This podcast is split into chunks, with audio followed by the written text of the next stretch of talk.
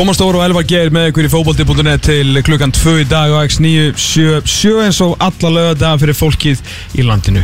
Við ætlum að eh, fara í djúft ringbord um íslenska boltan og reyna að snerta á eh, mörgum málefnum á yfir langan tíma uh, hjá okkur í hljóðveri. Fiskabúri X-ins er lead political analyst fyrir útastátturinn fókbalta.net fyrirhandi framkvöndastjóri knastbundu sambands Íslands, einn af mörgunum sem komið svo öllu af stað og nú varandi íþróttastjóri Þróttar Þórir Hákonásson. Vertu velkomin svona formlega, þróttur að fengja að taka þátt í bæinumrænum hérna á hann. Já, takk hjá fyrir það. Það er alltaf gaman að fá þig. Elvar, eh, hvar viltu, hvar viltu byrja á þessum í langa topiklista sem að þú ert búin að setja upp fyrir þessum umræður okkar? Við ætlum að vera innanvallar sem utan í Heldur þessum betur. umræðum og við ætlum að byrja eiginlega svolítið innanvallar. Já, líst vel að það. Því að eh, Viðaröld Kjartansson tilkynnti það í morgunsárið að eh, hann væri hættur með íslenska landsliðinu í fótbolta. Eh, Viðar náttúrulega búin að vera svona inn og út úr eh, landsliðsóknum oftast í hóp en komst kvorki á EM nýja í HM hópin sem er náttúrulega þvílik vonbröð og hans landsliðsferill að mörguleiti bara verið, verið vonbrið nú erum við að fara úr einum glugga nýr landsliðstjálfari og ég talaði við Viðar þegar Erik Hamren var, var ráðinn og hann var að fara í sitt fyrsta verkefni. Og hann leita á þetta sem svona svolítið nýtt upphaf fyrir sig. Þannig komið nýr maður þannig að geti byrjað á 0 punkti Niðurstaðan er svo að hann hefur ákveð núna bara eftir tvo klukka að, að segja þetta gott. Ég verða að segja það, fyrir mitt leiti þá skilja hann 100% og ég meira að segja að hugsa því klukkanu núna. Ef að ég væri við þar, þá held ég að ég myndi bara leggja landstískona á, á hilluna.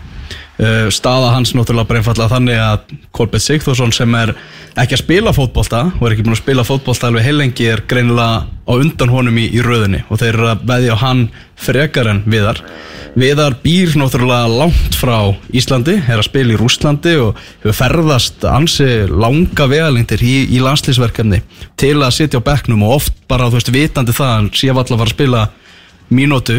Tækifærin búin að vera algjörlega af skortnum skamti hjá honum. Ertu ekki sammála með því, Tómas? Bara að þetta sé mjög skiljanlega ákvörðin. Jú, ég held að sé erfitt að komast að einhverju annari niðurstu og að þú snertir hann á þessu Kolbeinn Sigþórsson dæmi uh, hann kemur inn uh, fyrst aftur í hennar hópa á hans að vera að, að spila og hann er tekið fram með hann sko færi þessar mínútur á móti, móti Fraklandi þar sem allt í hann fær hálftíma en síðan þegar okkur vantaði uh, mark á móti Sviss sálega þá kemur ekki Kolbeinn inn á og ekki heldur verður í Kjarnason þannig að hann var sko ekki einu svona þá var hann að spila.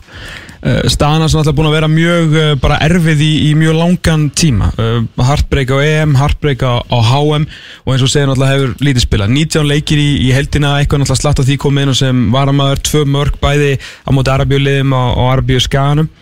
Sko ég held bara að, ég held að maður hefði mögulega hægt fyrr ef að, til dæmis ef að Heimir Hallgrímsson hefði, hefði haldið áfram, því að það var alveg útsimið það að hann átti ekki breyk þar. Þannig að maður skildi hann klálega svona að gefa þessu séns þar sem að hann er náttúrulega með svíþjóð tengingu og hann var alltaf að spila á Norðurlöndum og kannski bara aðtöku hvort að hann fengi séns þar. Og þetta eru jafnvel alveg farið úr öskunni í eldin með þessu Kolbeinn Sýþarsson dæmi. Þannig að sko ég held að sko hjarta, sko hartbreyki hjá hann er vel alltaf meira og meira og meira og það er vantalega bara ákveðið mikið sem að menn þóla Mm. Veist, auðvitað hefur maður kannski svona alltaf takmarkan húma fyrir því þegar ungi menn eh, eru að hætta í, í landsliðinu en á einhverju tímpunkti verður bara no, no. Þú veist, ég var að tala á hlaupubörðinu hér fyrir uh, mótið reikinu mótið Sviss við gulla gulla að gefast ekki upp. Fattur, þannig ég ætla ekki að vera eitthvað hræstnari í því að talandum eins og Rúnamár Sigurðarsson og Holmár Örn Eyjálsson sem eru kannski núna 28 ára gamlir að fara að spila sínar stærstu mínútur á, á landstinsferðlunum í, í komandi verkefnum. Auðvitað veit ég kannski að Rúnar einu eftir að koma inn en að Rúnar eitthvað verður eitthvað að færa til. Hann er alltaf múin að gera nóvantilega til að fá núna meiri sens eftir að hann skilur mista á háum en veist, hann gafst ekki upp. Saman með Holmar sem getur núna að vera komin í hæri bakgrunn og hver veit um að Birkir enda vinstraminn þannig að 28 ára eru þeir kannski að fara að verða að fá miklu fleiri mínútur heldur en vanalega sko.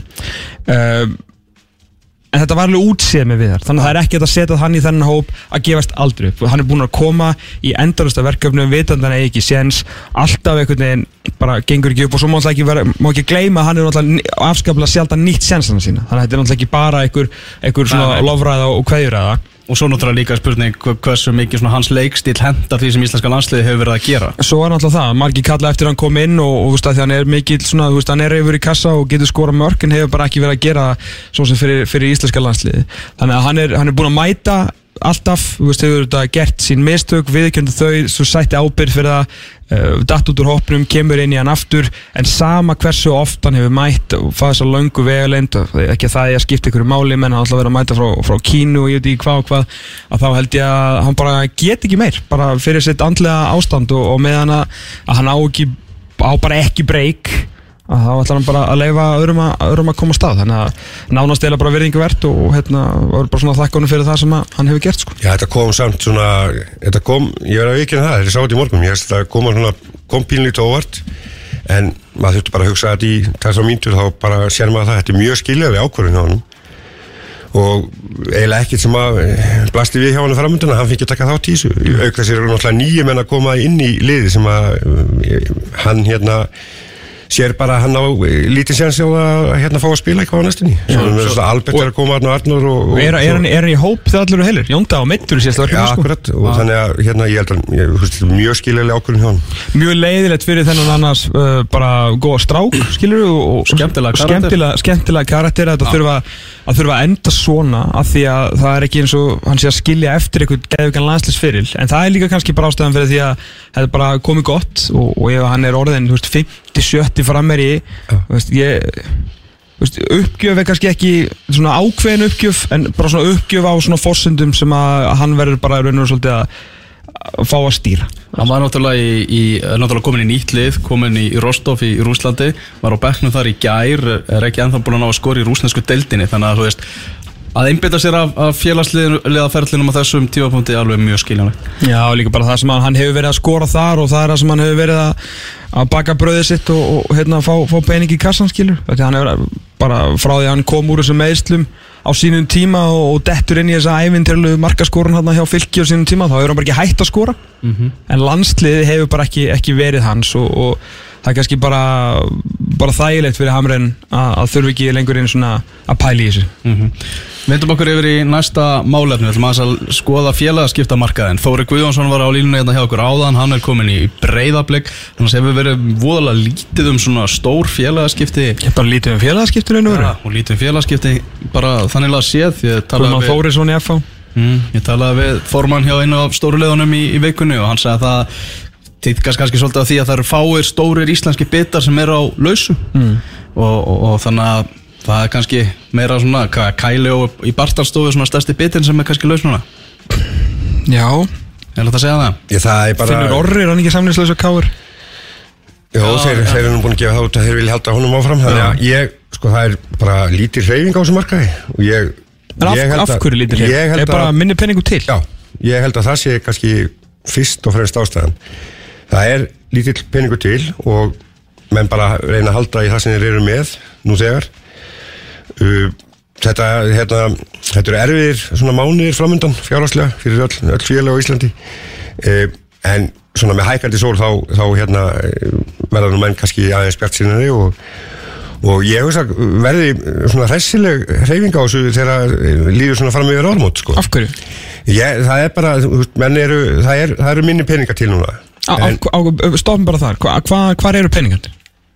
Er, er styrtar alveg að draga sér höndum? Já, já er, bara til dæmis Er, er það út af að bara fókbóltinn er ekki nógu söluvenn markasvara eða bara minna til ég fyrirtækinu líka? Ég held að það sé bara almennt þannig að Það var sagt um mig að vera góð þeirri sko Já, það, er alveg horfið en, en ég held að félaginu hérna á Íslandi þau verður ekki sérstaklega varfið það hvert uh, sínum samstagsræðurum mm. þau hafa verið að hérna svona halda sér höndum og þau hafa verið að hérna, jafnvel félög eh, hafa orðið fyrir því að stóri styrtaðal hafa verið að segja upp samlingu við þá. Þannig að ég held að sé, það er bara einhvern veginn minni peningur í þessu og, og aukða séru kannski félöginn farin að hvað ég að segja, eigða peningunum í, eh, í kannski aðra hluti heldur en bara beinlinis í leikmennina sjálfa. Og, og allt bara verður til þess að það er, það er lítið hreyfing á markanum og ekki stórir bitar á lausu eins og Elvaði sagði. Þeir sem er að renna út á samning núna þurfa þeir í appil að setja sig við það að fá læri laun? Það er það sem að, maður hefur hýrt, já. Ah. Og það er svona sem að kannski er lítið hreyfinga því að þeir eru kannski að fara að keira okkur að samninga sem að þeir voru kannski lettilega að fá fyrir þreymur árum og, og félagin eru bara, nei.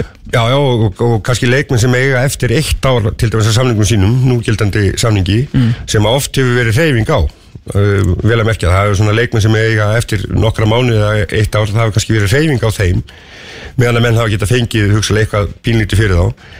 Um, þeir er ekkert endilega spennti fyrir að vera að reyfa sem ekki til núna þegar, hérna, félögin eru hugsalega að lækka launin. Já, og er, meina, þetta lítið til kannski til að, að gera einhverja 12 mánuða samninga upp á einhverjar 100.000 á, á mánuði að þá, þó hafi ekki verið mikið um það, alls ekki að félög hafa verið að kaupa leikmenn þá er bara jafnvel óhugsandi við farum að sjá okkur það, ég meina, á, á, í þessu season, að leiði sig að fara að reyða fram þrjár til 4-5 miljónir fyrir einhvern leikmann. Ofan víst. ofan á alltaf sína borgan Já, já. Við ólíklegt við fyrir að sjá það. Mér finnst það mjög hósellett Þannig er staðan. En er þetta, þú veist, eins og með, með styrtaræðla, er þetta, þú veist, orsöku afleggingar og allt það að, að nú eru komið tvö ári í röð þar sem við verum undir 900 áhörundum, tvö bara verstu tímambilin, þannig að það er mjög auðvelt fyrir, fyrir vantarlega styrtaræðla að segja, skilur, í hvað við að setja þetta. Ekki nema bara, þú veist, til að setja þetta í til að, að hjálpa einhverju félögum og þekkir einhvern, en, en svona, e, hafa, veistu hvort einhverju styrtaræðla hafa sagt þetta beinlins? e, Já, já, ég, sko það er Þetta er svona dóltið Það er að fara svolítið hérna vítt í þessu sko e, Nú har, hefur þróunin í þessum áhörundatölu verið bara slæm Mhm. undan verðin ár En við skulum ekki gleyma því að, að til dæmis bara beinum útsendingum hefur fjölgað sko úr 30 í 80 á 5 árum Mhm. það hefur vissulega áhrif og hafa sjónvastekju félagana aukist í samræmi við það? Nei, það er ekki gert það samningur er alltaf gerðið til 6 ára fyrir fjórum ára síðan Já, sko. akkurat. og, þá var það, veist, og auk, útsendingarna sem aukast eru bara hluti af því Já, já, alveg, alveg klálega og þannig að, þannig að hérna, tekju félagana sem að þú veist, annar staðar ætti að aukast þá er þessi samningur eins og þú segir til lengri tíma Mhm. og það er auk, aukast ekki í samræmi við þá þjónustu sem að sjóas hérna, fyrirtækið er að veita Nei. áhörundum og á meðan fækkar áhörundum það er, það er allavega ein ástæðan kannski fyrir því að áhörundum er að fækka að bara, það er betri þjónusta í sjónvarpinu Já. og, og hérna menn velja sófan frekar heldur en að mm mæta völlin Hvar, hvar sækir þú pening sem, veist, er þetta ekki bara samaltum, þú farið einhverjar fyrir að fá einhverjar sumu frá, frá Rittafa Já, svo eru bara góðu gömlu styrtar aðlarnir gömlu góðu styrtaræðarnir og, og hvar getur þú sótt peningi viðbúð? Það er rauninni á- Þetta er bara þetta tvent Já, það er rauninni þetta tvent og, svo þetta, jú, svo náttúrulega gefa leikirnir eitthvað, bæði sem aðgöngumila og miða og hérna og svona á vellin og það er kannski það sem að hérna félögin verða að reyna að keira betur á að, hérna reyna að búa til eitthvað meir úr því. Svo eru þetta öll félögin með eitthvað svona viðbyrði sem að ná í einhverja peninga. En er 2018 bara jafn vond ár og jafn vondur vetur og 2008 er raun og veru eða leikmaður með lausan samning? Ég, Við erum bara komin já, í ring já, Já, það er áhugavert. Uh, Förum með þessu tengta aftur á, á, á eftir. Förum aðeins í hérna unga leikmenni deildinni Við erum búin mikið búin að tala um það að við viljum sjá unga leikmenn spila í, í Pepsi deildinni En áhugavert sem að Leifur Grímsson, áhuga maður um deildina og tölfræði áhuga maður Já. setti á Twitter í vikunni þar sem hann var að taka það saman að það var nú bara einfalda þannig að ung og uppöldu liðin þau fjallu Það voru þau fjölnir og, og, og keflaðik sem voru að spila mest á, á ungum og uppöldum.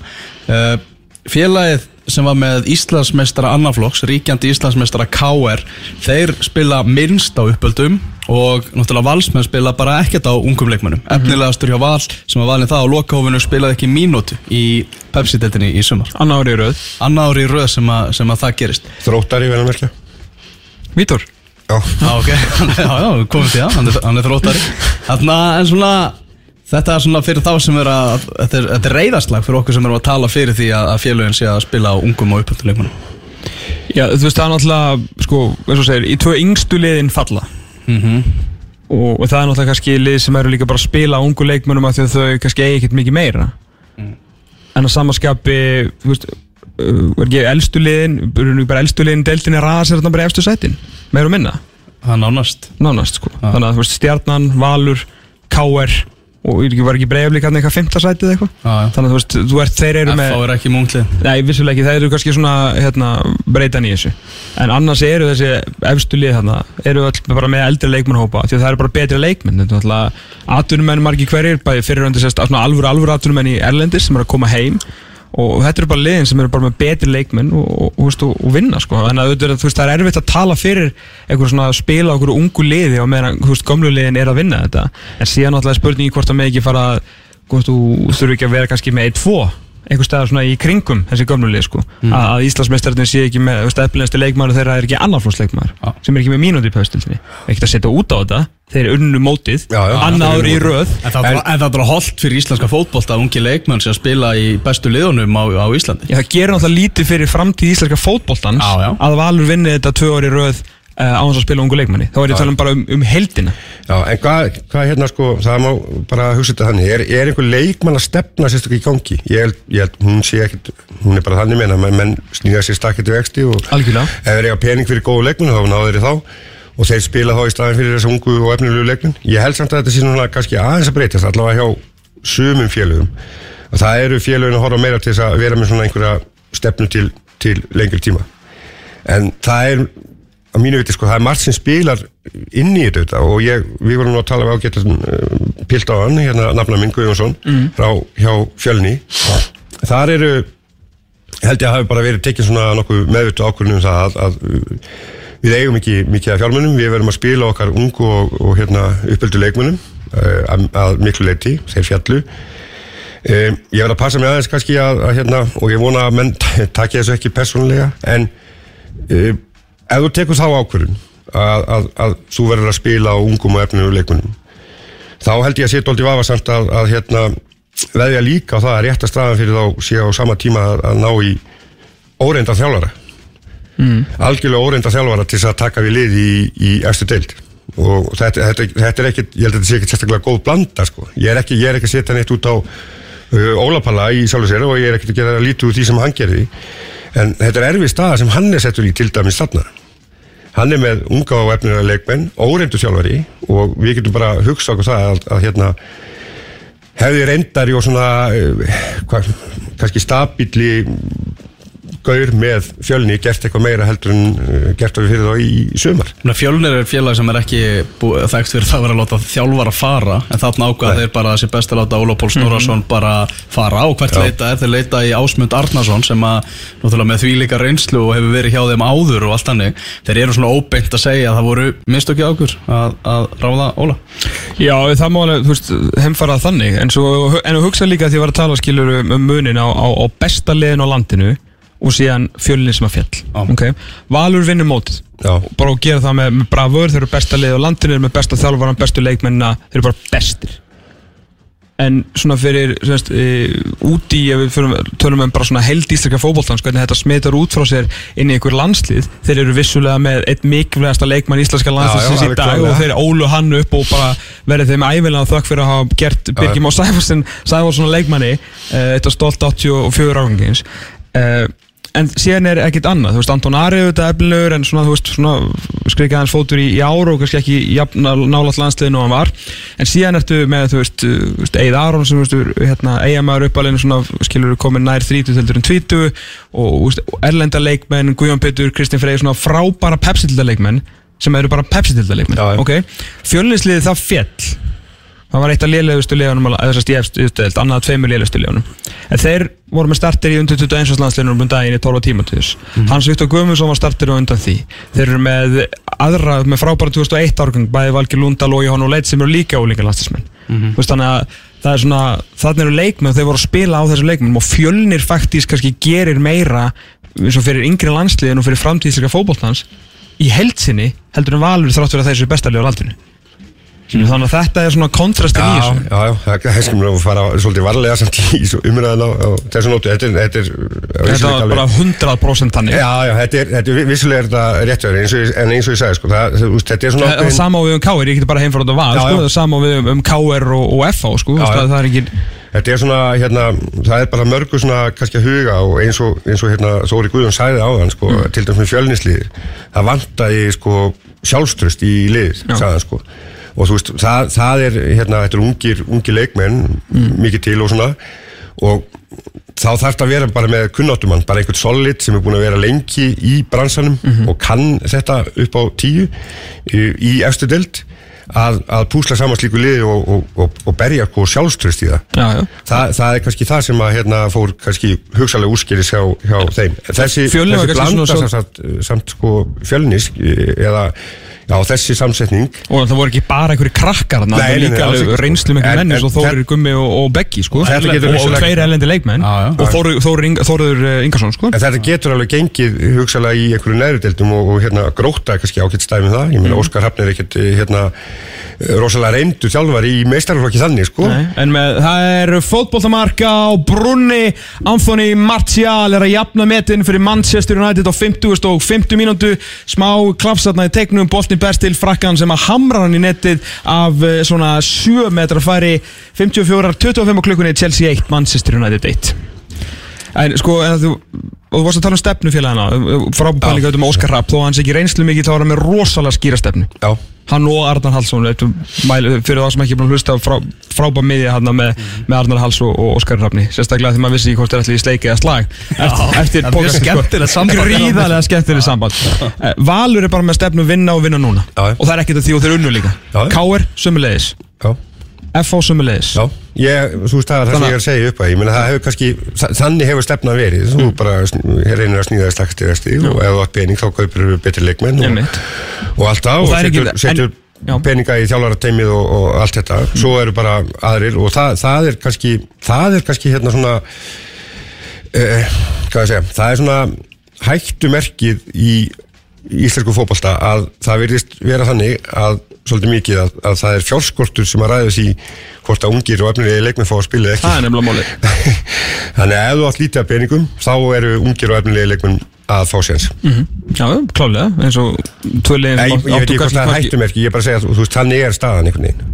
Já, ég meina það er ekki gott að það sé meir og minna nánast eina ástæðan sko. ég meina þú veist breyflik á, á peninga en þeir voru samt að láta þú veist lefa ungum mönnum fá tækifæri en þú veist aldurinn hefur þar hækka samt aðeins. Já, Þú veist, en, en, ég, en, en það er þetta, þú veist, þetta er ekki alveg algilt, en nei, þetta, nei, nei. þetta er samt svona trendið, svolítið. Þegar það verður að reikna meðalaldurinn á ekki bara að taka gulla gull út úr menginu hjá blikum? Jó, hann, hann er aðal markfyrirlisins þannig að sjálfsög er hann inni í þessu en auðvitað hækkar hann þetta vissulega. Hann gerir lítið fyrir, fyrir blikana þegar það kemur að aldrei sko. Já, það að tökum eitt málefni áður en við í þessum áður en við tökum okkur smá pásu. Uh, Það er laugadarsvöllur uh, Óbóðulegur fyrir áhorfendur, leikmenn og fjölmiðla. Stendst ekki kröfur UEFA og, FIFA. Uh, Við vorum nú á þessum landsleik hérna á móti Sviss þar sem að Arnar Helgi sem var að sjá til dæmis um textalýsingun á fókbóta.net það ringdi bara á tölvuna hjá honum þannig að hann þurfti að taka stóran hluta textalýsingarnar inni, bara í gegnum sjómarp satar, satar inni. Uh, það sem fer rosi töðunar á mér er það þegar við erum að tala um nýjan laugadalsvöll þá er alltaf einhverjum, hvað, það er ekki uppselt. Af hverju að byggja nýja laugadalsvöll þetta snýst ekki um fjölda sæta. Þetta snýst að mestu leiti um það að við þurfum að fá leikfang sem að býðu bara upp á viðunandi aðstæður fyrir þessa hópa sem ég nefndi að náðan og til dæmis, ég meina að af, af hverju var ekki uppselt á, á leikinum átti Sviss? Meðal annars vegna þess að þú færður rosalega litla upplifun að og þú horfir á fótboltan annað eða einhvern veginn er ekki bóði Já, já, Annars er- algjörlega og- Game Day og- Experience er upp á mjög fáa fiska. Ég meina hafið þið farið á klósetti í hálfleik? Já, það er ekki Þetta er bara eins og að að komast á klósetti á hverjusbætum sko, bara hálf þrjú á löði Já, þú, ert bara einhvern veginn að sneika þér og maður er eiginlega býður eftir með að vera sko kildur af því að maður sko fór á fastið einhvern mann sko, það eru svona þetta eru líka litlu hlutinir að fara bara niður í háluleik að reyna að fá sér sko eitthvað eitthva að drekka eða eitthvað að borða eða bara frá klósettið og það bara sáhlut er algjör katastrófa sko. já, já En flækjustiðin í því að fá nýjan leikvang, Þórir, eru Já. rosaleg Þau eru, rosalega. Ég, sko, eins og þú sagðir, þetta, við uppfyllum ekki ákveðna kröfur og það snýst að, það snýst eins og þetta öryggismálum sem að held ég að sé núna til til auðvelt að lagfara. Um, svo búnisaðstöð og aðstöð fyrir leikmenn eh, og uh, svo áhörundur eins og var að segja og fjölmjölmenn. Og ég held að mér er alveg sama þó að hérna, þú viljir ekki hlusta það. Ég, sko mér hefist, hérna, það hefur verið einblítt alltaf mikið á það að það er að fara að fjölga sætum og öllum, mér finnst það ekki vera neitt issue í þessu, mér finnst það bara ekki vera issue. Og því miður, ég hef uh, orðið sko tónleikar eh, ofta nefnt heldur en fótbolti. Þegar er verið að ræða um stækkun lögðarsvöldi eða breytingu lögðarsvöldi Og ráðstefnur. Já, og ráðstefnur. Og ég, ég bara, ég skil ekki þá umræðu. Við eigum að búa til knarspinnuöll eða knarspinnu leikvang sem uppbyllir uh, þarfir fótboltans. Og, og hann á að þjóna sko hagsmunum fótboltans. Ekki, ef, ég minna ok að það vil svo til að sá völlur geti þjónað einhverjum hagsmunum tónleikahaldara eða eitthvað slíkt og við getum grætt því, þá er það bara gott og vel en við eigum ekki að vera að búa til völd sem að hérna, miðast við það að það sé bara beinlinis hægt að vera að, halda einhverja tónleika einu svona áriðar um, ég er þeirri skoðunar að við hefum átt að, og við eigum það átt að skoða það betur að byggja hreinlega nýja völd Jafna hennar við jörðu.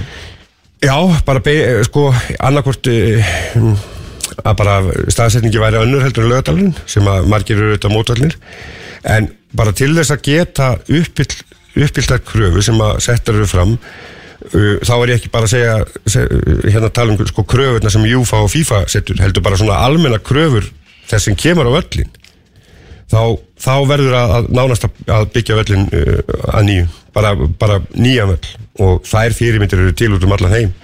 Er og ég hugsa að það sé ódýrar í kostur heldur en að, að hérna, fara að búk upp á það maður ekki sem við eigum núna og það er hugmyndir sem þar eru uppi með yfirbyrða völl og svona ég, ég hérna já ég held að ég átt að skoða, skoða hinn mjög velga miklu betur.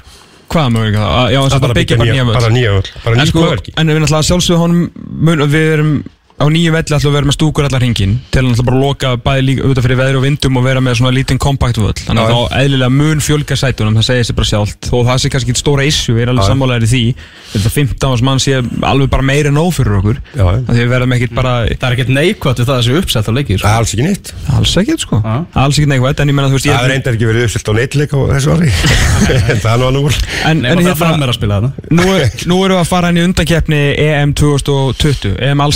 það er reyndar ekki verið uppstilt á neitleik á þessu ári en það er nú annað úr en, Nei, en það fram hérna er að spila þarna nú, er- nú erum við að fara inn í undankeppni EM 2020 EM Allstar 2020 Já. sem eru spilið frá mars til november þar sem við höfum notið góðst af uh, út af sem sagt, vallar uh, skilurum eða veðurfari Íslands er það að þegar undakefni EM eða undakefni HM hefur verið að hefjast þá verður þetta verið spilað skilst yfir sem september til uh, november, sem september eh, hvers ás til novembers hins ásins og út af veðri og vindum höfum við byrjað heima í september þegar sem við gátum spila heimalegin okkar af því að við ekki getum spilað í november og ekki mars. Þannig að þú veist þá erum við, erum við bara út í velli síðan uh, við hefur minnstakosti verið að fá einn heimaleik undir restina sem hefur hjálpað okkur gríðarlega og þetta hefur gert rosalega mikið fyrir okkur. Gleymi ekki að ævintýrið hefst það er spenna fyrir nýjum hérna fyrir Lars Lagerbäck spenna fyrir þessari þessari nýju tímar. Við fáum Noreg á heimavelli það er fullu völlur og við vinnum við vinnum Tyrkland, þú veist, á sín, þú veist, skil líka og, og þetta hefur hjálpað okkur mikið að fá þessa fyrstu leikina heima og okkur gengið vel í þeim sama raun og veru hverju verið að mæta. Að samanskapi höfum við verið að enda líka heima að minnst að fá eitt mikilvæg leik. Já. við fáum Kazakstan heima sem er alltaf, þú veist, við veit að við erum að vinna þetta og ég sagði að, skilur við alltaf ekki verið eitthvað hræstnar ég, viss, ég sagði að við myndum vinna á 3-0 á sínum tíma í Kazakstan sem við gerðum. Mm. að þetta liði var ekki sambúð okkur á þeim tíma. En við fengum það á síðan líka heima í stressandi leik til að koma okkur á EM. Síðan fáum við Kosovo heima til að koma okkur á HM og við erum aldrei að fara að tapa þessum leikim aldrei, af því að þetta er á heimavelli sko. það er ekki sjens núna er undakefni EM allstæðar spiluð uh, og bara undakefni EM frammeðis út af þjóðutöldinni spiluð frá mars til november sem að því er að við byrjum úti og endum úti. Við fáum ekki stemninguna með okkur inn í byrjunina og við fáum ekki stemninguna með okkur í endan og þetta er með að núandi með þetta mun ekki breytast í bráð því að þjóðutöldin sem bara komin til að vera og, og lægið með henni að hérna þurfum við, við þurfum yfirbygðum menn það er ekkit annað í stöðunni. Yfirbyggt eða gerurgræs já, já, akkurat, þarna sagður það E- það er annað en yfirbyrður öllur í stöðinni ég ætla að færa mig frá glugganum á hana Jón Rúnar. Þetta var hendi grjóti þetta glugga Það er Pétur Martins sem kom í, í þáttinn til okkar og spurði hann, þú veist, er möguleik af því að vera gerfigræs á nýja þjóðarleikongi og hann sagði að það væri bara ekki því það hefur ráðfært sig við leikmenn og þjálfara innan KSI og allt þannig og allir eiginlega væru á, á græsvagnum og það er á græsvagnum Já. ok, ég, þá e, það hefur þó eitthvað breyst er ég bara að segja. Hefur það breyst? já, ég meina, hvað þjálfara var eftir ég veit það ekki, ég, ég, ég held ég geti bara fullist að Heimir Hallgrímsson á sínum tíma hann hafi alveg verið fylgjandi því að vera með gerðugars á lögatarsvelli en sko, við verðum bara að horfa til þess að þú veist, ef að það er verið að tala um hvernig nýtingin á mannverkin á að vera og, og svo framvegs og hvernig við getum gert á sem hagkvæmestan hátt við þurfum að, við þurfum að hérna það er hægt að loka endunum eins og við tölum um. Og það er líklega hagkvæmstilegin að loka endunum og þar má koma fyrir hugsalega einhverju að, að þeirri aðstöðu sem við vorum að tala um fyrir fjölmélamenn eða, eða veist, það, það rýmka þá til í, í hinnistúkunni. Og setja svo gerðugrasvöllin uppbyttaðan með, með hérna það verður aldrei. Ég, sko ég er ekkert endilega að segja ég sé fylgjandi ég, en það ég, verður aldrei Akkur ekki? Ég bara, ég, bara ég, ég sé bara ekki gerast. Nei. Og ef þú ætlar að nýta mannverki líka fyrir, fyrir hérna tónleika haldið eða hvað sem það er sem Og um og, rá- og rástefnir, ekki gleyma, ekki gleyma því. Þá er það auðvitað miklu hérna ellir lausn að vera þá bara um gerðugrasvellinu en ekki mm. náttúruleikgras. Og yfirbyggt sko, það er miklu meira en að segja það við erum, með, og við erum marg búin að fara í gegnum þessu umræðu og ég, ég, hérna, ég veit ekki alveg hvernig veistu, hvert hún er komin samt sko. En að, að hérna, náttúruleikgras við- á, á lokuðum velli það er miklu meira en að segja og sérstaklega á Íslandi. Það, þú veist, það, það er ekkit þú bara ert ekki bara með þaki við vellinum og setur bara venilegt gras á, á veist, það þarf alls konar græjur og það kostar fylgta peningum. En er, nú hefur náttúrulega svona þessi teknir náttúrulega fleitt fram, ég ég halda grasi og bæði náttúrulega virki grasi, fá það fyrir í gang og halda það betur við. Já. Getur við verið með svona þéttan leikang, eins og þessi típisku norsku vellir eru núna, veist, Molde, Álasund og þetta, sem eru bara svona ansið það vissulega samt opin leikvang, Já. grasvöll og bara betri græjur bara upphittað, hitalampa og þannig, Já, já, já, ég- getum við þá komið grasi í stand í mars? ég, ég, nú er ég ekki neitt sérfræðingur í þessu ég, ég, ég örglega, er það hægt sko en ég, mér finnst bara Núna er einnig- náttúrulega bara tún sko. Já, en mér finnst bara umræðan alltaf hafi verið alveg frá upphæði. Hún hefur bara snúist um eitt og það er að fjölga sætunum og loka vellinum og hafa náttúrulegt gras. Mm. Það, mér finnst bara alltaf fái möguleikar hafa verið skoðaðir er þetta Og svo er, svo, svo, svo er sko ferlið á þessum máli, það er bara hvernig það hefur þróast allt saman. Það er bara stór undalegt og, og ég meina að þið getur bara kíkt á, á hérna, tímaraman á því hvernig ákvarðanir hafa verið teknar í þessum máli.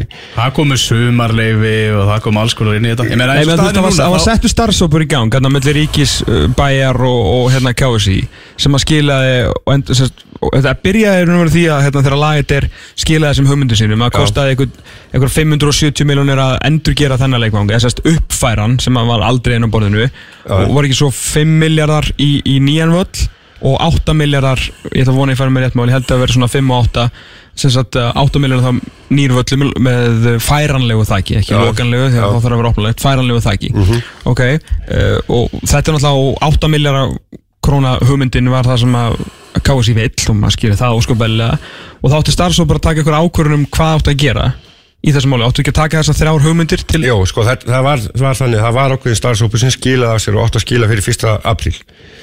Uh, 13.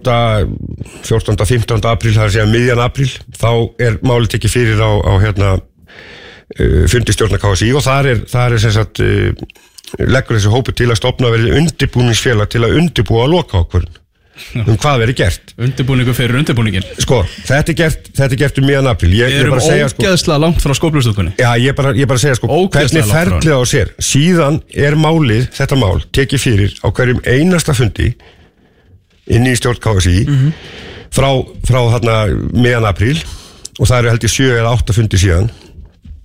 Og það síðasta sem að framkemur þar er það að það er 25. september ég bara kíkti á þetta í gær uh, Formaðurinn fór yfir stöðum álavarandi lögdagsvöll en vonið standa til þess að skipan í undirbjúningsfélag verði lokið fljótlega.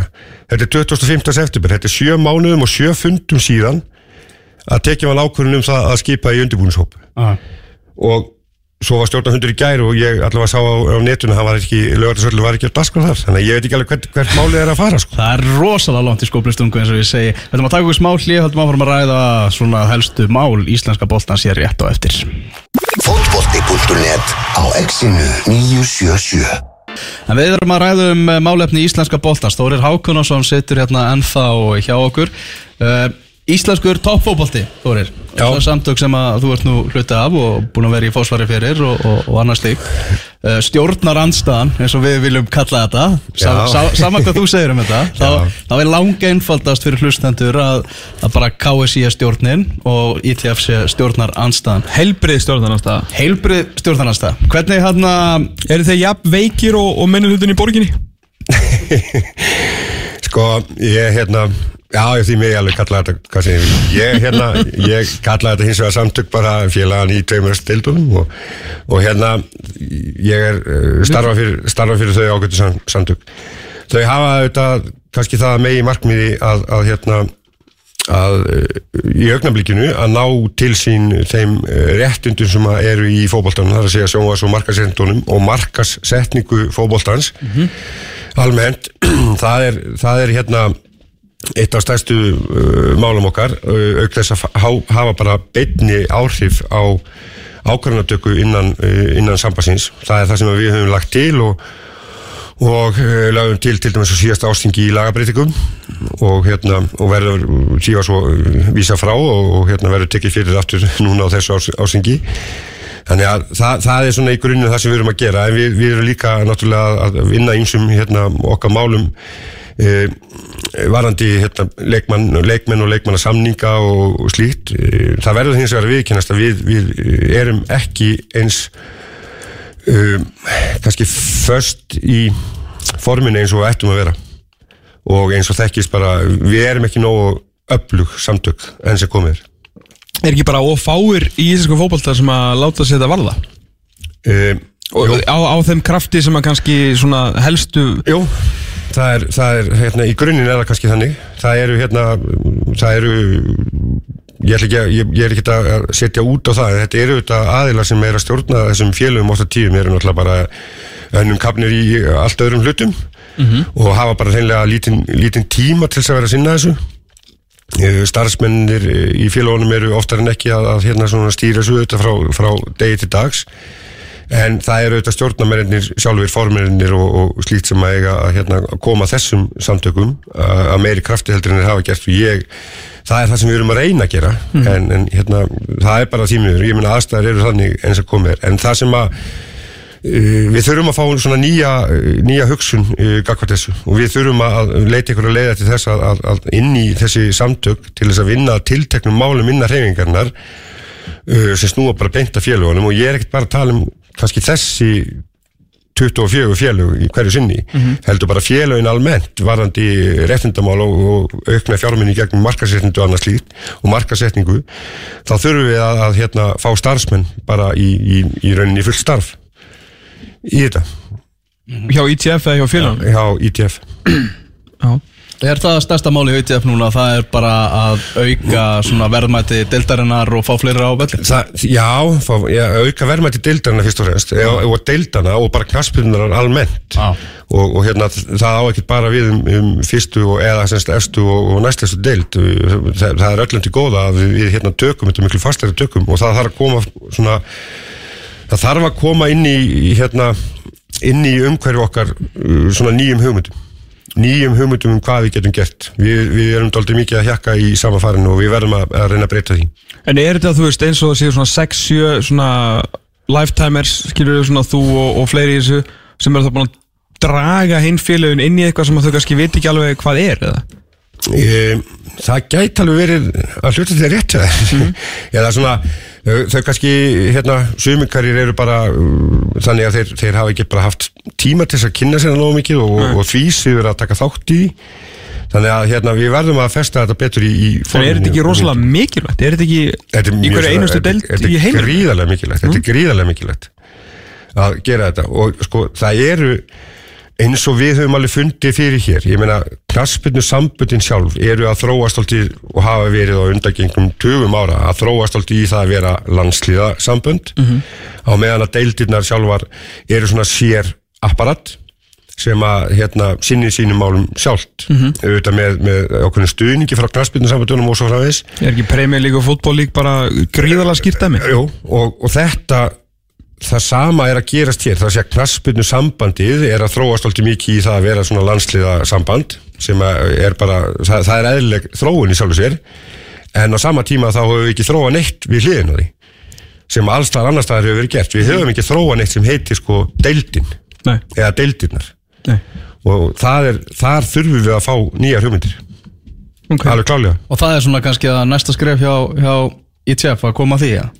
Já, já, ég meina það, það hefur verið umræðinni í tölverðan tíma en við þurfum að fá hérna eins og við erum náttúrulega frekar veikburða eins og staðin í þetta og við þurfum að fá ákveðna aðstóð og, og svona stuðning frá knaspinu til þess að fara þá vegferð. Og, og það er það sem við erum að reyna að berjast til núna. Það, er sko, það hefur ekkert farið á milli mála að hérna, ITF og félagin er mjög, mjög ósátt með sem sagt, allt sem að, nánast allt sem að KSI gerði eða gerði ekki fyrir efstu deildirnar, bara í þessar deildir sem við erum að ræðum í sumar. Þú veist að þetta var að fara í einhver svona, einhver markasherferð og allt þannig, en ég menna þess að maður veit það alveg og fór svona meitt á milli mála í ansi ofinberum postsendingum KSI á félagin sem var síðan svarað af, af öðrum að veist, það er ósættið þarna en ef að skilur þetta er svona veist, af, af hverju er KSI svona trekt til að, að láta ykkur fá sagt uh, bíleikluna af, af dildunum? Ég veit það ekki. Ég, sko, ég hérna, eins og sagði, við lögum til okkurnar hugmyndir á, á hérna ástinginu síðast. Það, var, það lágu fyrir á ástinginu lagabreitingar tillögur frá stjórn KSI þar voru bara einfallega feldar þess að bara vísaði burtu. Þetta var ekki það sem hreyfingi vildi, hún vildi eitthvað annað. Hvað vildu þeir í gróðandröndum? Me, meðal annars það að fá betni aðkomu að, að hérna, ákvörðunartökunni og fá markasréttindin yfir til félagana Já, þú, þú sagði að það var lagafróbreytingar frá ITF, þú sagði KSI? Nei, það var frá KSI sko, uppalega lagabreitingartillögurna voru frá KSI, okay. þar voru feldar Já. ITF kom sem er breytingartillögur sem að fólu þetta meðal annars í sér að færa markasetnindin yfir til félagana beitni aðkomu, aðkomu, aðkomu að stjórn uh, hérna sambansins og svo frá eis því að vísa frá átt að laga á milli þinga. Núna skils mér á þeim sem er í starfsópi um þessar lagabreitingar að þetta sé að fara nánast fyrir þingi núna nánast óbreyft svo í sem gerist á síðasta þingi sem að verða þó bara til þess að þetta verður felt aftur. Og ég skil ekki okkur hérna það er ekki viljið til þess að, að, að taka bara inn þau breytingar sem félögum vilja sjálf og fá þá, fá þá þær breytingar samtýttar á ásengi ég bara gerir mér ekki alveg gæðin fyrir því akkur það er. En þið ljótið að sagt eitthvað við ykkur, þið ljótið að rætt við þetta fólk. Já, það, það er bara, með vildu halda markasetnindónum inn, inn, inn í sambandinu og það væri óverulegt að félögin færi með beinum hætti inn í, í stjórninu eða beina ákvörðunatöku það, þar greinur okkur brá, mér finnst það ekkert óverulegt Í februar þá verður ásting KSI, maður búast við hita þingi, hver verður það stóru mál, málinn þar? Það er náttúrulega líkur þessum fyrstu tveimur árum hjá, hjá Guðna Bergsinni, það eru formánskostningar ef hann fær mótframbóð eh, er hann að fara að fá mótframbóð? Þetta er, þetta er stór spurning um næsta ásting. Þetta er stór spurning, sko, ég held að það verða, það verða mjög það verða nokkur stór mál á þessu ástingi. Ah. fyrst og síðast, eh, ég minna hvað málefni var þar þá verður þessar lagabreitingar eins og, eins og við talaðum og, og hérna það verður auðvitað mikill áfyllistómur yfir þessum starfsópu og stjórn sambansins að, að ef að tilvöðunar koma fram aftur og það verður feldar en við sjáum til hvað gerist því. Annars stórt mál sem að ég hef heyrt að breyting á deildaskiptingunni e, kalla megin e, menn hafa verið að, að tala um að fjölga deildónum eða jafnvel einhver hugmyndur um bjeliða deild og, og svo ráðis það er einhver umræða sem áttur að taka En stærstamáli verður auðvitslega kostningar í stjórn og, og hvað ég segja uh, hugsanlega uh, formaskostningar. Mm. Ég meina Guðun hefur ekki náð því gegn sem hann ætlaði að gera mörgu hverju á, á þessu, þessu tveimur árum. Ég meina fókbaltamála er oftur að vera að tala um það. Hann, hann lofaði því að er þið meira allt upp á borðum og ekki gegnsægi í, í bara öllu innan KSI. Það hefur ekki verið þannig. Allavega ekki svo ég að tekið eftir. Alls ekki. Gagsæði hefur ekki verið neitt ah. eða svona með við það sem var, var alltaf að tala um mm. þannig að ég maður knæspil móla ekki að það komin en verður vantilega mættur fyrir þing ef að hérna, maður hefði guina hjá, hjá dóttóttunum daginn að tala hérna, að það hefur verið á leðinni en ég minna að þú veist hver hérna sko, er einhver í auksin hefur þú heyrt af einhverjum Uh, já, já, ég hef alveg ég hef alveg heyrt af, af, af einhverjum uh, aðeins sem hafa svona viður á það og að, að, hérna, allavega sína einhvern áhuga á því að, að hérna að hugsalega fara í þetta, en við skulum sjá til hvað setur. Ég, ég hérna, það er ekki Hvað hva með þessa sprengi sem að ég heyrði í vikunni að Geir Þorstinsson væri alvarlega íhuga að bjóða sér fram aftur? Búm!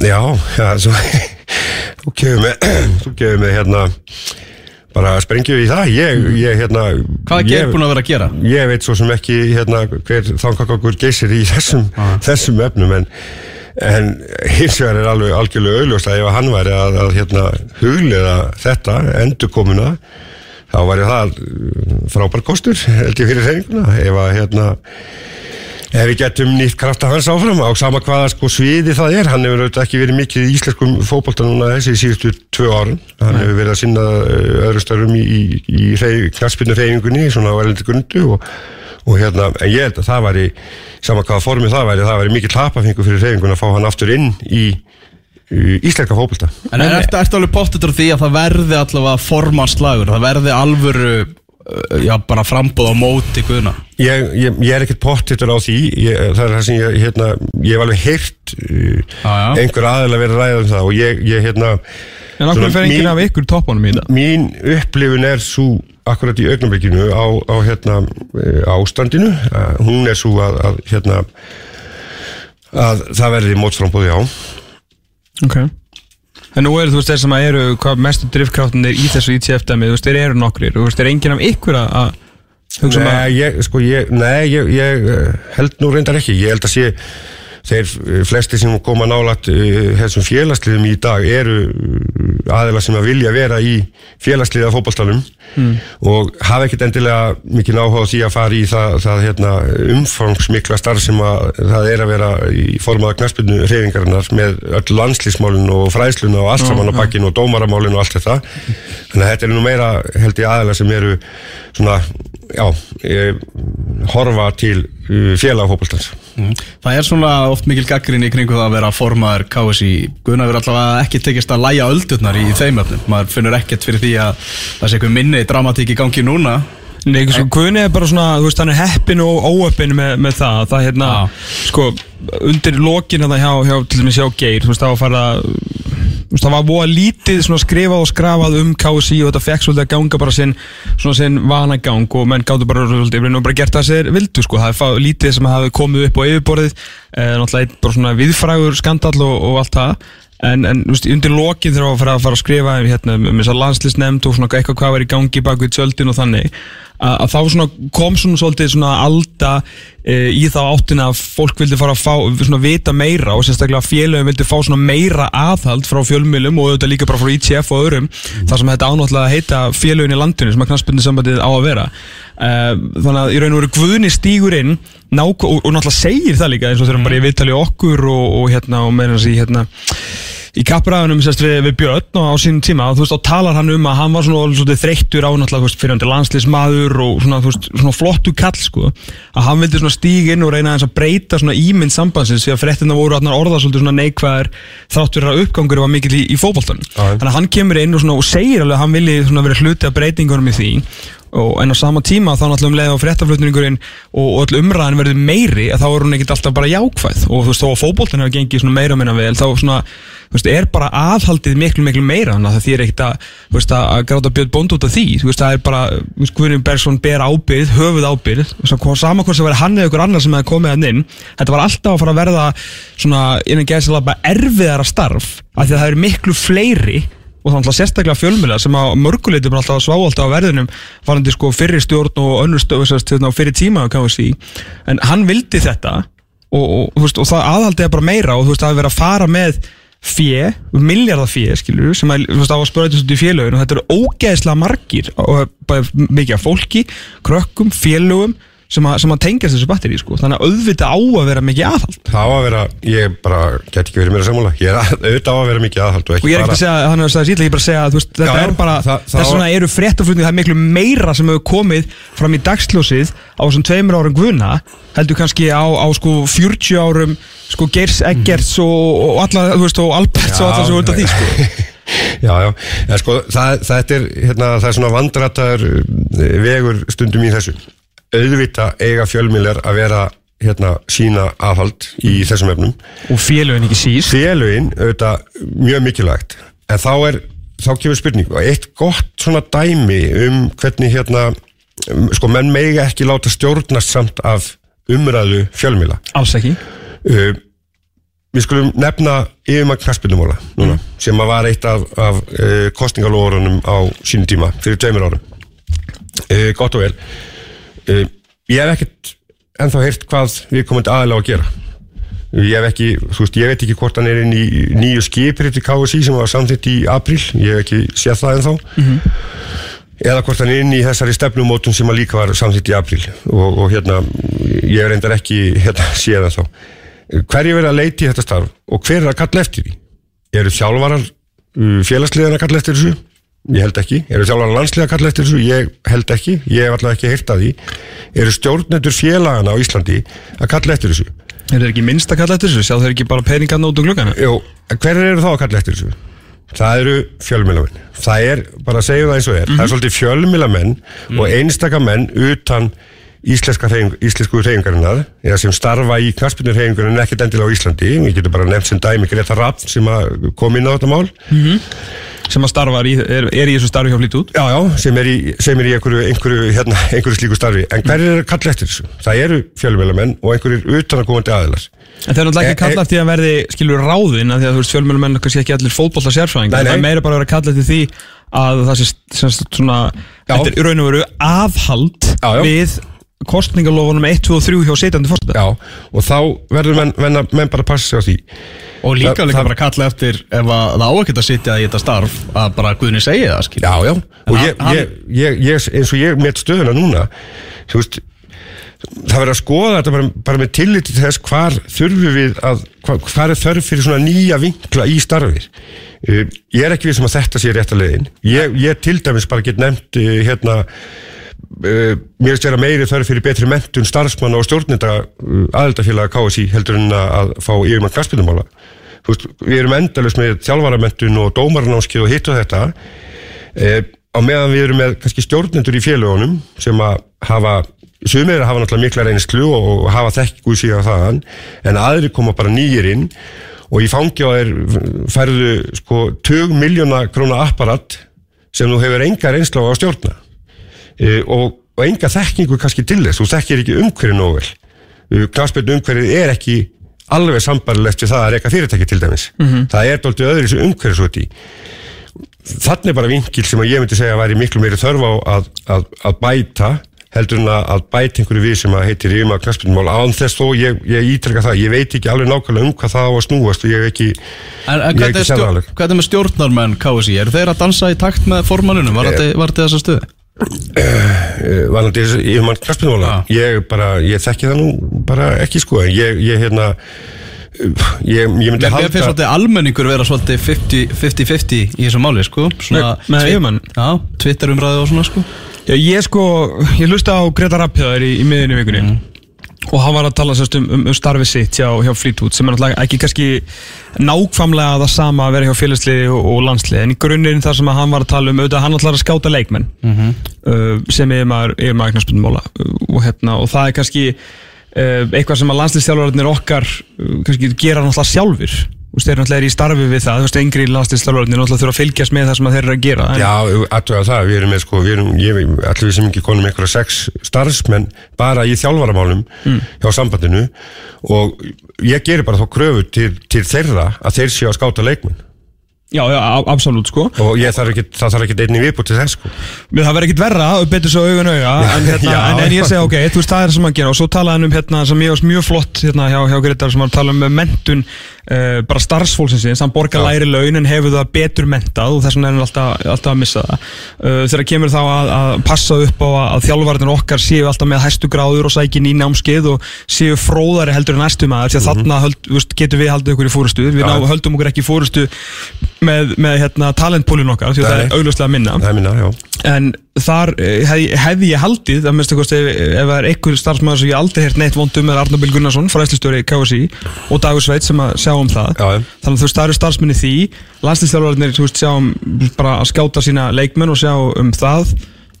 Og þá, þá veit ég ekki alveg hvað er eftir sko, yfir maður knaspunumála er staða sem skiptir mig engum máli sem bara fótbolta áhafmann sko Þú veist, hjá KSI, ég bara, ef hann verður ráðinn, ok, þú veist, bara, þá kemur hann. En ef hann kemur ekki, allt í lagi. Auðvitað er erfitt fyrir Guðna að fara eitthvað að koma fram núna og segja bara, herru, ég, hérna, þú veist, mér leist vel á þetta þegar ég væri að fara í frambóð og hérna, þú veist, ég er náttúrulega sjálfur kemur félagslega umhverfinu, þetta er frábær staða.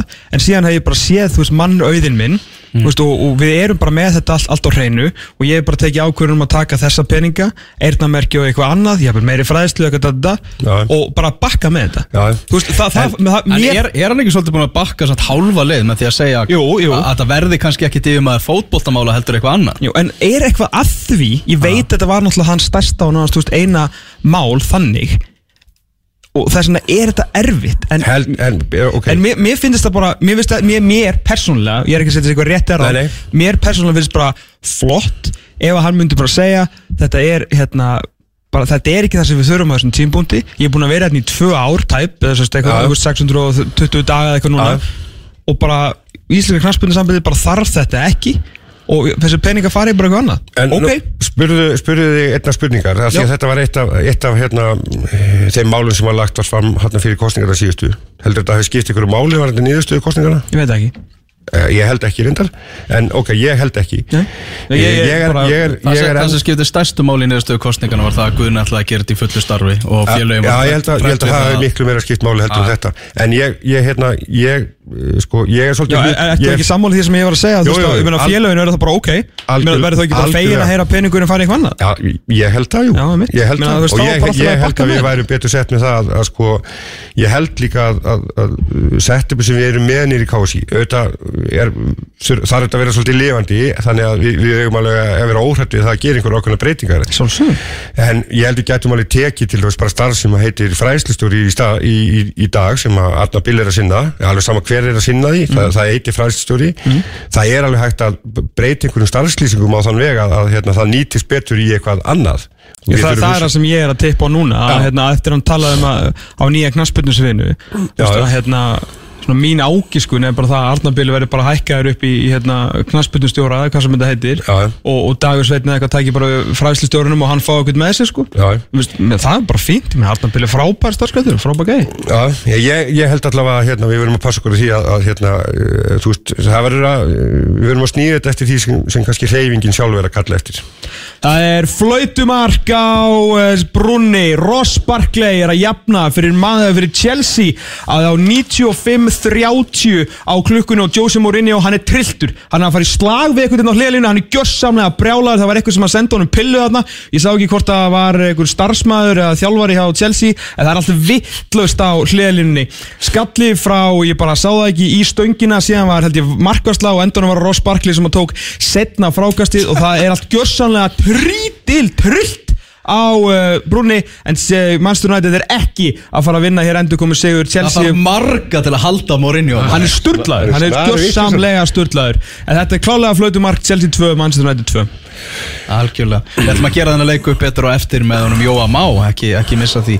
En við erum að ræða hérna um uh, uh, íslenska, íslenska fótboltan Förum aðeins yfir í hérna kvennalandslið Akkur er ekki búið að tilkynna Jón Þór? Akkur er ekki búið að halda fréttamannafinn Nú er bara margi dagar síðan að fjölmjölega greintu frá því að, að hann var að fara að taka við þessu Ég, hérna, Og ég heyrði það að hann væri bara farin að vinna hjá KSI Hann væri bara komið með skrifstofu og væri bara búin að taka vinna Ha? ykkur, sko. Já.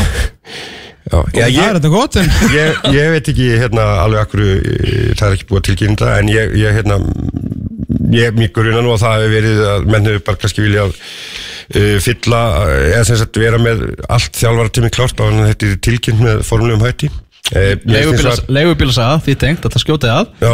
Ég uh, fekk skilabóðum það ekki að að Ian Jeffs var geti verið aðstofaþjálfari Jóns Þórs. Já. Já, það er aðteklisvægt, ég held að það sé nú bara fínasti kostur. Leigubílasögu tímabilið er í gangi þannig að við skjótu þessu að en, en halda frá Þóris Já, ég, ég held bara sko ef að hérna, ég veit ekki alveg nákvæmlega ástæðuna en ég held að hún sé, ég held hún tengist örgulega því bara að menn vildu hérna, kannski hafa þjálfara Ég hefði átt að tilkynna þetta fyrir landsleikina finnst mér. Einfallega þeirri ástæða að þetta hérna, núna kannski að tilkynna þetta núna þá býður það kannski upp á aukna umræðum kannski hvernig, hvernig aðeins var staðið til dæmis kakvart stjörnunni sem var svona óheppilegt eins og maður segir ef það hefur bara verið tilkynnt um þetta fyrir landslíkina þá hefur þetta svona bara kona einhvern veginn í þeirri umræðu sem kom í framhaldinu þar og, og máli væri frá. Það er langt í næsta landslík á kannanlandsliðinu þannig að það hefur verið allt í lagi þó að ég beði með, með hérna aðstofamenn eða, eða uh, aðra í þjálfaratíminu. Já, þetta, já, þetta er rosalega skrítið eitthvað sem búið, að menn er búin að vita af þessu ógeðslega lengi sko, síðan það tókum vantilega ákvörðum að gera þetta bara ekki ofan í kallana Þannig að svo umræða fær ekki að staða Já, já, það getur vel verið en ég, ég held að, ég, ég, mér hefði fundist að eða bara klára málið. Ja, þetta lág, ef þetta hefur legið fyrir þar að segja. Mm. Eitt máli viðbót sem að ég vil svona aðeins fara í áður en við segjum þetta gott í, í dag Þorir uh, Það er aðstöðumál Reykjavíkurfélaga. Ég hlusta á viðtal við Óskar Örn Haugsson uh, í KR podcastinu í vikunni þar sem að uh, Bissan, Ingvar Ákarsson sem var, a, var að stýra þarna umræðum var að segja við Óskar allar ekki bara þú veist að hætta með KR þegar við förum á nýjan KR-völl og þá hann hló Óskar eitthvað og KR-völlurinn náttúrulega mikið búið umræði alltaf búin að vera sá sami veginn. Uh, hvernig er að díla við Reykjavíkuborg í, í svona málum sem, sem Ég- bara íþróttastjóri þróttar? Já, ég held að séu öll félagin í Reykjavík að, að, að berjast auðvitað fyrir bættir aðstöðu sem skila þetta það, það bara vantar uh, fyrir það fyrst það vantar klálega fleiri hús hérna. Hvort sem að þau eru fyrir halvan völl eða, eða völl í fulli starf nokkuð félög sem eru næri einhver út í allan vetur með, með alla sína auðkendur ég menna það er bara þróttur vikingur og leiknir og fleiri félög sem eru bara næri og þe- þetta er, þetta er algjörlega ófært og það var, þarf að hérna það þarf að bara að bætur þessu og það gengur ekkit, eh, ekkit svakalega vel það gengur hægt, að, það er reyndar á teknibólunni einhverjar breytingar hjá nokkrum félögum varandi gerðuglasselli, bæta þeim við Víkin er að, að hérna, fara í gerðuglas vonandi, Nei, Það ekki vera eh, vonandi fyrir þá nei, það er reyndar eitthvað stopp komið á það mál, er það ekki? Jú, ég vikingur fyrir ekki að gera eitthvað fyrir uh, ef, það er, ef það er ekki byrjað að franga á dyr Ég held að það sé ekkit breyst þar Nei, Þá fyrir ok. vikingur ekki að gera eitthvað fyrir næst tímbil fyrir, ekki fyrir næst tímabil. En það er svona, hérna, það þarf einhvern veginn að, að, að það þarf að kortleggja það betur á vegum allra veginn og, og, og svona yfirstjórnar knaspunnar á, á Reykjavíkusvæðinu hvernig við viljum koma þessu fyrir. Það, það gengur ekkit að, að öll félagin sé að berjast um örfáa tíma upp í, í Egil, það, það bara gengur ekki lengur. Og ég, ég vil bara mér veist laugadalurinn rosalega vel staðsettur fyrir nýja, nýtt knaspunuhús Mér veist breiðholtið rosa flott. Já, já. Bara- það, ég hérna, það er kannski eitt sem ég langar aðeins að, hérna, koma inn á áður við hættum ef við höfum eh, hérna, smá tími yfir það er eh, hérna, það er svona þessi uh, það hefur verið smá umræðum svona getumunin á Pepsi og Inkasso í Kallamegin og, og hérna hvað þau lið sem fóru upp til dæmis upp núna uh, hversu mikið erindu þau eiga í deildina. Ég, ég hérna nú, er, nú erum við með tollið í, í Pepsi og tollið í Inkasso í ögnablikinu og við erum með tollið í, annar deild og, og það var verið að fjölga í tollið í þriðju deild líka sem að ég, ég reyndan, mér finnst algjörlega út í bláin Um, ég er þeirra að skoða núna eftir að hafa skoðað svona styrkleikan á liðunum undarfærin nokkur ár að við hefum að gera breytingar á þessu. Við hefum að hafa tíu liði í pefstildinni og við hefum að hafa tíu liði í inkassu um, ef við kíkjum bara á deildina eins og hún var núna í sumar pefstildin, það eru fimm félög sem skera sig algjörlúr og það er einhver tíu steg á milli liða nummer 5 og 6 og það, það er líka þannig í inkassodeildinni. Það eru fimm lið sem skera sig algjörlúr og e, eins og þetta er að þróast núna ég held að, að hérna e, ég held að deildaskiptingi sé bara orðin uh, pínluti raungi okkur. En ef við þá bara að spila átjá leiki? Nei, við hefum að spila þreifaldu Í guðana bænum, nei Þá fyrst er þetta mót sko. Akkurri? 27 leikir. Já, Glabræði Fólki sko nánast komið leiða hérna eftir sko 14, 15, 16 fyrir og því litt erfitt að halda þessu gangandi. 27 fyrir verið dauði pepstildarnar Já. Að mínum andi já. En ég- Algjör dauði. Já, já, en sko Og við hvernig ætlar að spila þessu leiki? Uh, það, við, við, við verðum ekkert stórkurslu vandræði með það. Ég meina, við erum að spila lengjubikkarinn frá því í februar, sko. Já, við ætlum að byrja inni?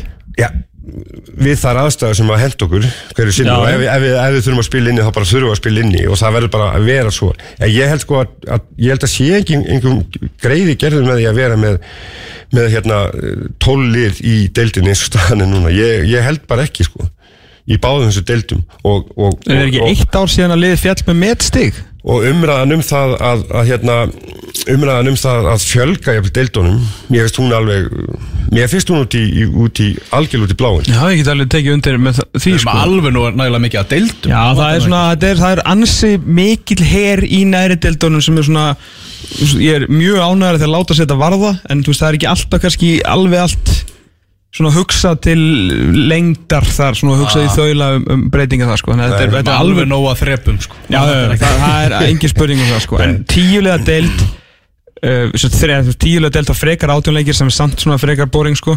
Uh, Og náttúrulega með bara stöðlega ennverði fótbolta Þegar hver leikur fann að skipta ennþá meira máli eins og þetta var orðið hérna. Þú veist, træðslu fótboltin er nú þegar í allt og algengur í. Hvað, hvernig þú veist að verið ennþá verra að fara aftur í Já, ekki, en, það, ekki með þreifaldur umferð. 20, já, vissulega ekki. En 27 umfyrir og byrja innan og Nei, Þá fyrst fara að sjá áhverjum tölur upp á Ok, 500 sko. Þá skal ég bara umorða þetta þannig. Að mínum að þetta, ég er hérna, ætla ekki að vera neitt sammálaður en ég ætla samt að umræða þetta þannig að við eigum að taka umræðum það hvernig við og deildirnar og ekki bara tvær eftir deildirnar, heldur allar deildirnar með einhverjum hætti betri heldur en það eru. Við erum doldið mikið í sama hérna horfinu. Uh, við gerðum breytingar á sko kvennadeildunum núna 2016 og því muni hvernig þetta var, þetta var bara eftir deild og svo var fyrsta deildin reyðlaskipt, bara í tveir reyðlar -hmm. við bættum annari deildinni við. Þetta var gert eh, á ástingi 2016 og eh, ég svo ég sláði mér nú aðeins á brjóst ég fór upp í pontu þá og varaði við þessum breytingum að bæta við þriðju deildinni í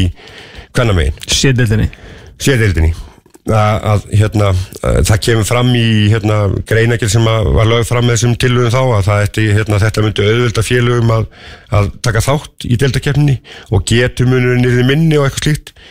Eh, það eru tvö ár síðan þetta var gert. Það hefur fækkað um fjögulið í deildakefninni í kannamegin síðan þetta var gert.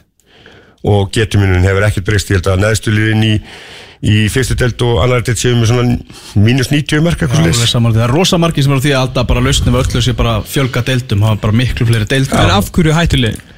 uh, þessi lið sem að í hvernadeldinni, Já. ég held að sé alveg klárlega út af ferðarkostnaði ég held bara, þú veist, ég hef ekki gefið deildin, uh, önnur deildin á næsta ári, ef að líkum lætur mun telja sex lið myndi ég halda.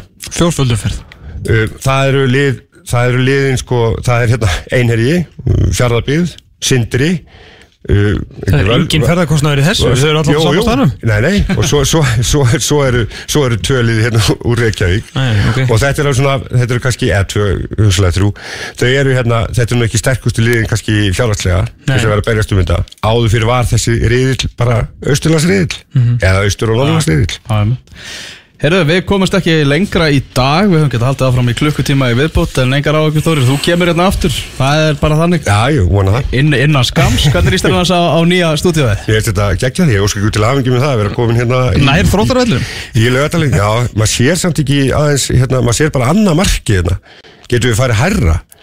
Uh, Já þá, ég held að samt ekki nema ef við förum í mötunin þá getum við hort, upp á, hort á leikinu Já, við sjáum aðeins á lögatarsvöld Ef ég sé við sjáum alltaf hérna Arnar dara hit upp. Já, sem er, það er, það er, það er gott. Svona í að- aðdraganda þáttalangar sko. Já, Það er mjög byrju, nú voru ég, ég og Elvar vorum um daginn í, í lambalari hjá þrótturum. Já. Mhm. að fara yfir pefstildina Hvar var íþróttastjórið þá? Íþróttastjóri var stattur í Ungarlandi. Að sinna verkefnum þar.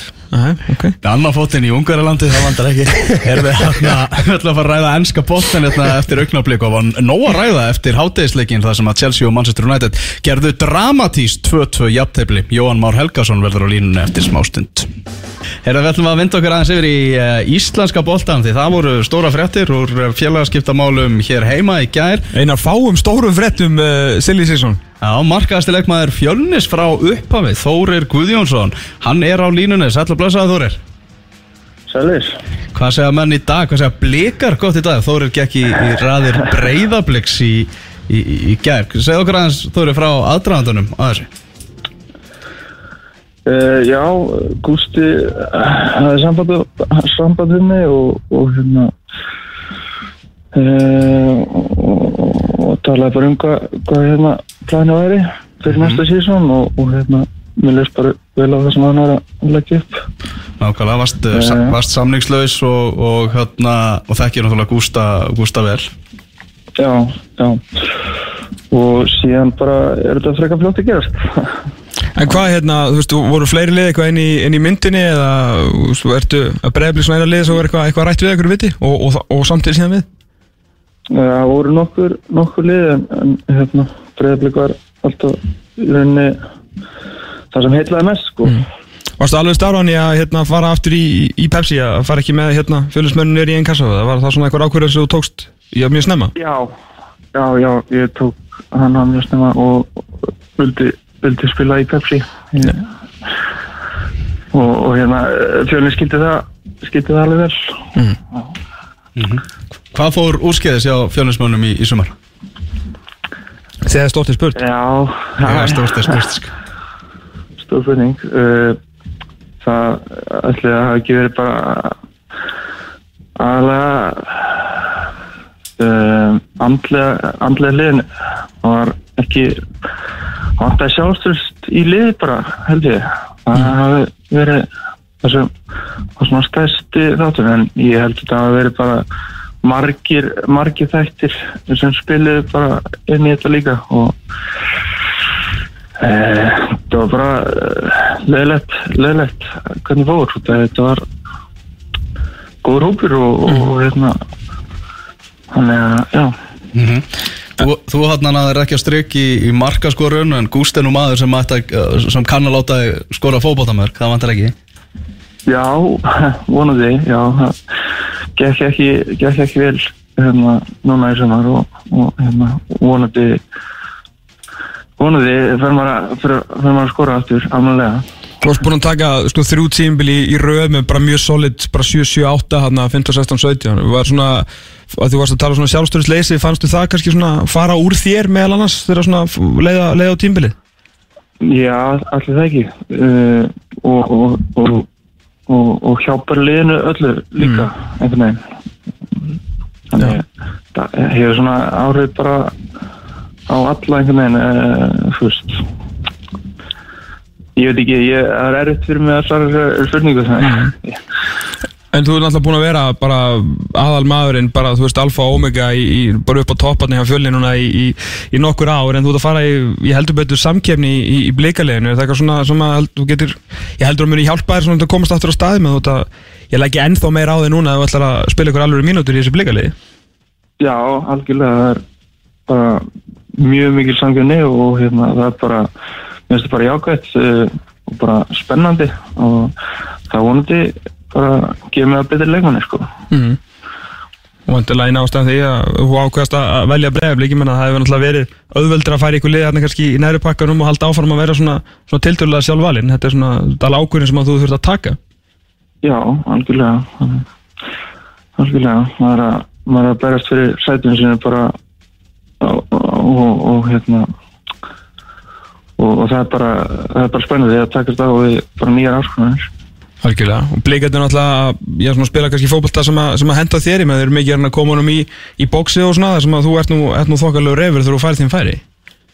Já, algjörlega, þetta er uh, mjög flott lið og, og þeir eru hraðir og teknískir. Og hérna kunna, kunna spila góðan hóla sem er skemmtilegt. Algjörlega, algjörlega. Þannig að það er bara að hefjast nýrkjaflið á þér fara úr, úr gulu í grænt og, og bara spanna, hvernig er þið byrjað að ræfa það? Uh, nei, ekki byrja, byrjum bara í nómur, 8. nómur. Heyrðu, það er náttúrulega bósmótið fyrir að staði í, í november Það má ekki, það má ekki glemma því. Mótið hans Gústakilva Og Gúst er náttúrulega stefnir á það að bósmótið verði stærra en Pepsi-deltin eftir nokkur ár. Eh, það, það, Og það eru komir Markmið hjá hann, sko. Reyðurlafnir eru komnir. Nei, Jú, ég fekk tölvupóst þetta aðan byrju, eru former Bose Champions Vikes í mótinu? Já Yes. Heyrðu, Vikes er í uh, reyðileg með Káur og stjörnunni. Já, létt. Já, það er léttur reyðil Og þið blikar, Þórir Þið eru með FA og HK í, í reyðri Já, Hann, er- þetta eru reyðlarnir tveir í bósmótinu sem fer af stað 15. november Hversu spenntur ertu fyrir Bose-mótinu? Hún náttúrulega verður, passaðu hvað að segja því þetta er mótið hans Gústapúst þetta, ég er bara mjög spenntur, sko. Þú veist, þetta er að vera maður mótsins maður er að færa velun, Er það geggjuð verðlaun? Geggjuð í þessu sko. Já, ég, ég einu sinni fengið þessu velum, bara bó, hérna, hvað var það, Bós Quiet Comfort, hérna tól. Já Það er 50 skall sko Já, já Þetta er meira heldur að fæða fyrir að vera sko bestileg maður Íslandsmóðs sem færi hot sem er enda góð viðkynningi er nú ekki gera lítið Herru Þormund, hérna takk hjálpa fyrir spjallu og bara gangi ég vel í, í, breiðabliki við hefum eftir að heyrast nú eitthvað í vettur og næsta sumar Já, bara takk hjá fyrir mig. Minnsta málið Þormund, Heyrjumst, bye bye. Já, bye. Já, þarna voru, voru stór skiptir. Þetta með þetta að fara að henda okkur í Íslands ringborð hérna á eftir ræða um íslenskan fótbolta bara hérna og þaðan. Við tókum saman svona málefna lista. Það er margt að ræða í íslenska boltanum. En þetta er, þetta er svolítið stór ákurinn hjá, hjá Þóri sko, því að Breiðablík er með framherja sem heitir uh, Tómas Mikkelsen Já. sem er alveg ógeðslega góður og var svona já, bara næst besti framherjinn í deildina eftir Patrik Pedersen og þá má alveg þess má, sko, í setna hluta mótsins má alveg segja að hann hefur verið besti framherjinn sko, mm ég, ég myndi að get það myndi ekki koma einn og kveiki í bílinn minn og þó ég segja að ég, bel sko beteldur en Patrik Pedersen þó að Patrik hafa nú kannski verið besti maður Íslandsmótsins á, á endanum Uh, Þóri kannski svona meiri pjúra nýja þó hann hafi leist líka af út og vængja hjá fjölni. Þannig að hann er að fara í gríðilega samkeppni þarna og eins og ég var var að minnast á við hann að það hefur verið ég þægilegri kostur fyrir hann að fara í, í, í, sko, í næri hlutan eða sérst í, bottom sex. Sem er hann að geta verið fyrsti strækir hjá veist, Grindavík, Vikingi ef Castellón fer eða eða kemur ekki aftur þú veist, í að, þú veist, fullt af liðum sem vantar solid nýju og þó hann hafa átt vond tímambil á síðustu leiti eins og allt fjölninsliði þá var þetta gæði sem er búin að skora sem sagt, eh, 7-7-8, ég meina 20 og 4 mörg á, á þremum tímbilum þú veist, með ekki einhverjar gigantiska, gigantiska tölur en hann tekur mikið til sín, þú veist, dugluðu frammeri stór, sterkur og alveg að skora mörg og leggja líka aðeins upp. Þannig að þarna er bara komið breytti í blíkalegi sem getur hjálpað þeim náttúrulega í fleiri keppnum og brús þeir náttúrulega í Európu Þeir eru nefnilega í Európi, glemum því ekki